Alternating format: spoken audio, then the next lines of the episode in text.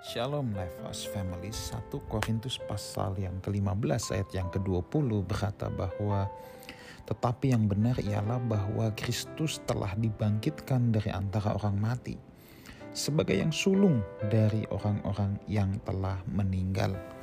Saudaraku nanti kalau kita melihat di bagian kitab Yudas bahwa Tuhan akan datang uh, dengan beribu-ribu orang kudusnya Saudaraku, di sini dikatakan bahwa Kristus telah dibangkitkan dari antara orang mati sebagai yang sulung.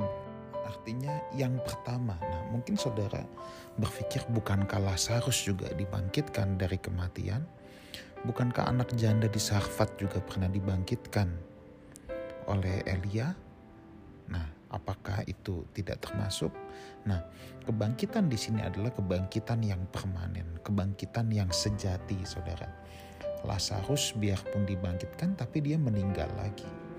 Kalau Kristus betul-betul di, ketika dibangkitkan itu kebangkitan tubuh dan tidak akan mati lagi.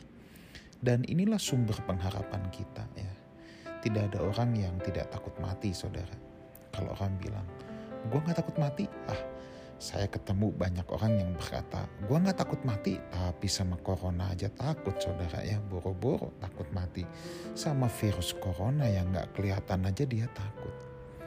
Ya wajar kalau orang itu takut yang namanya kematian, sebab di balik kematian itu semuanya misteri. Gelap gulita, kita tidak tahu apa yang akan terjadi setelah kita memejamkan mata kita yang terakhir saudara ya. Dan kita tidak dapat membukanya lagi kita tidak tahu. Tetapi kabar baiknya adalah bahwa Kristus dibangkitkan dari antara orang mati sebagai yang sulung yang sulung yang duluan. Selanjutnya siapa yang mengikuti? Kita kita yang merupakan saudara bagi Tuhan Yesus anak-anak Allah Bapa kita yang akan menyusul, kita yang akan dibangkitkan seperti Kristus telah dibangkitkan. Ini saudaraku yang harus kita syukuri dan rayakan. Ini adalah sumber pengharapan kita. Itulah sebabnya bagi orang Kristen saudara ya, kematian itu bukan lagi satu hal yang gelap gulita.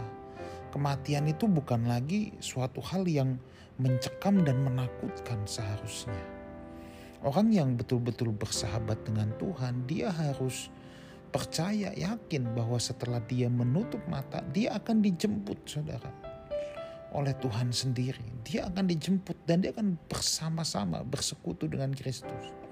Dan pasti kita semua orang-orang yang mengasihi dia akan dibangkitkan pada akhir zaman kita semua akan dibangkitkan. Kalau kita sudah meninggal duluan, ya, kemudian Yesus datang, kitalah yang akan diajak Tuhan, yang dikatakan Yesus datang bersama beribu-ribu orang kudusnya. Siapa orang kudusnya?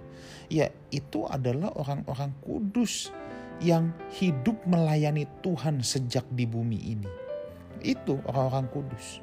Jadi jangan pikir, oh Tuhan nanti datang beserta orang kudus itu Paulus, Petrus kita mah enggak loh. Saudara dan saya juga harus merupakan bagian orang-orang kudus itu. Saudaraku, ini berita yang luar biasa. Dan saya berdoa, saya percaya tidak ada yang meremehkan akan hal ini ya. Sebab sering kali kalau kita mendengar hal ini kita meremehkan, ah udahlah jangan kebanyakan mimpi ah udahlah jangan ngomong yang ngawang-ngawang, ngomong yang jelas-jelas saja. Ini nggak ngawang-ngawang saudara, ini adalah pengharapan orang percaya. Sehingga kita bisa menjalani hidup dengan merdeka, merdeka untuk melakukan kehendak Tuhan, merdeka untuk melakukan apa yang Tuhan mau dalam hidup kita. Mari Life House Family miliki pengharapan yang satu ini. Kita akan dibangkitkan kita akan bertemu dengan Tuhan, kita akan dibangkitkan. Dan pastikan diri kita, kita merupakan bagian dari orang-orang kudus yang dimaksudkan dalam kitab Yudas. Yang akan datang bersama-sama Tuhan Yesus. Kalau kita sudah meninggal duluan. Tapi kalau kita belum meninggal bagaimana Tuhan datang?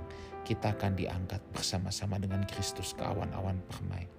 Bagi kekristenan, kehidupan setelah kematian bukanlah misteri, bukanlah gelap gulita, tetapi jelas bahwa kita akan bersama-sama dengan Kristus selamanya. Amin.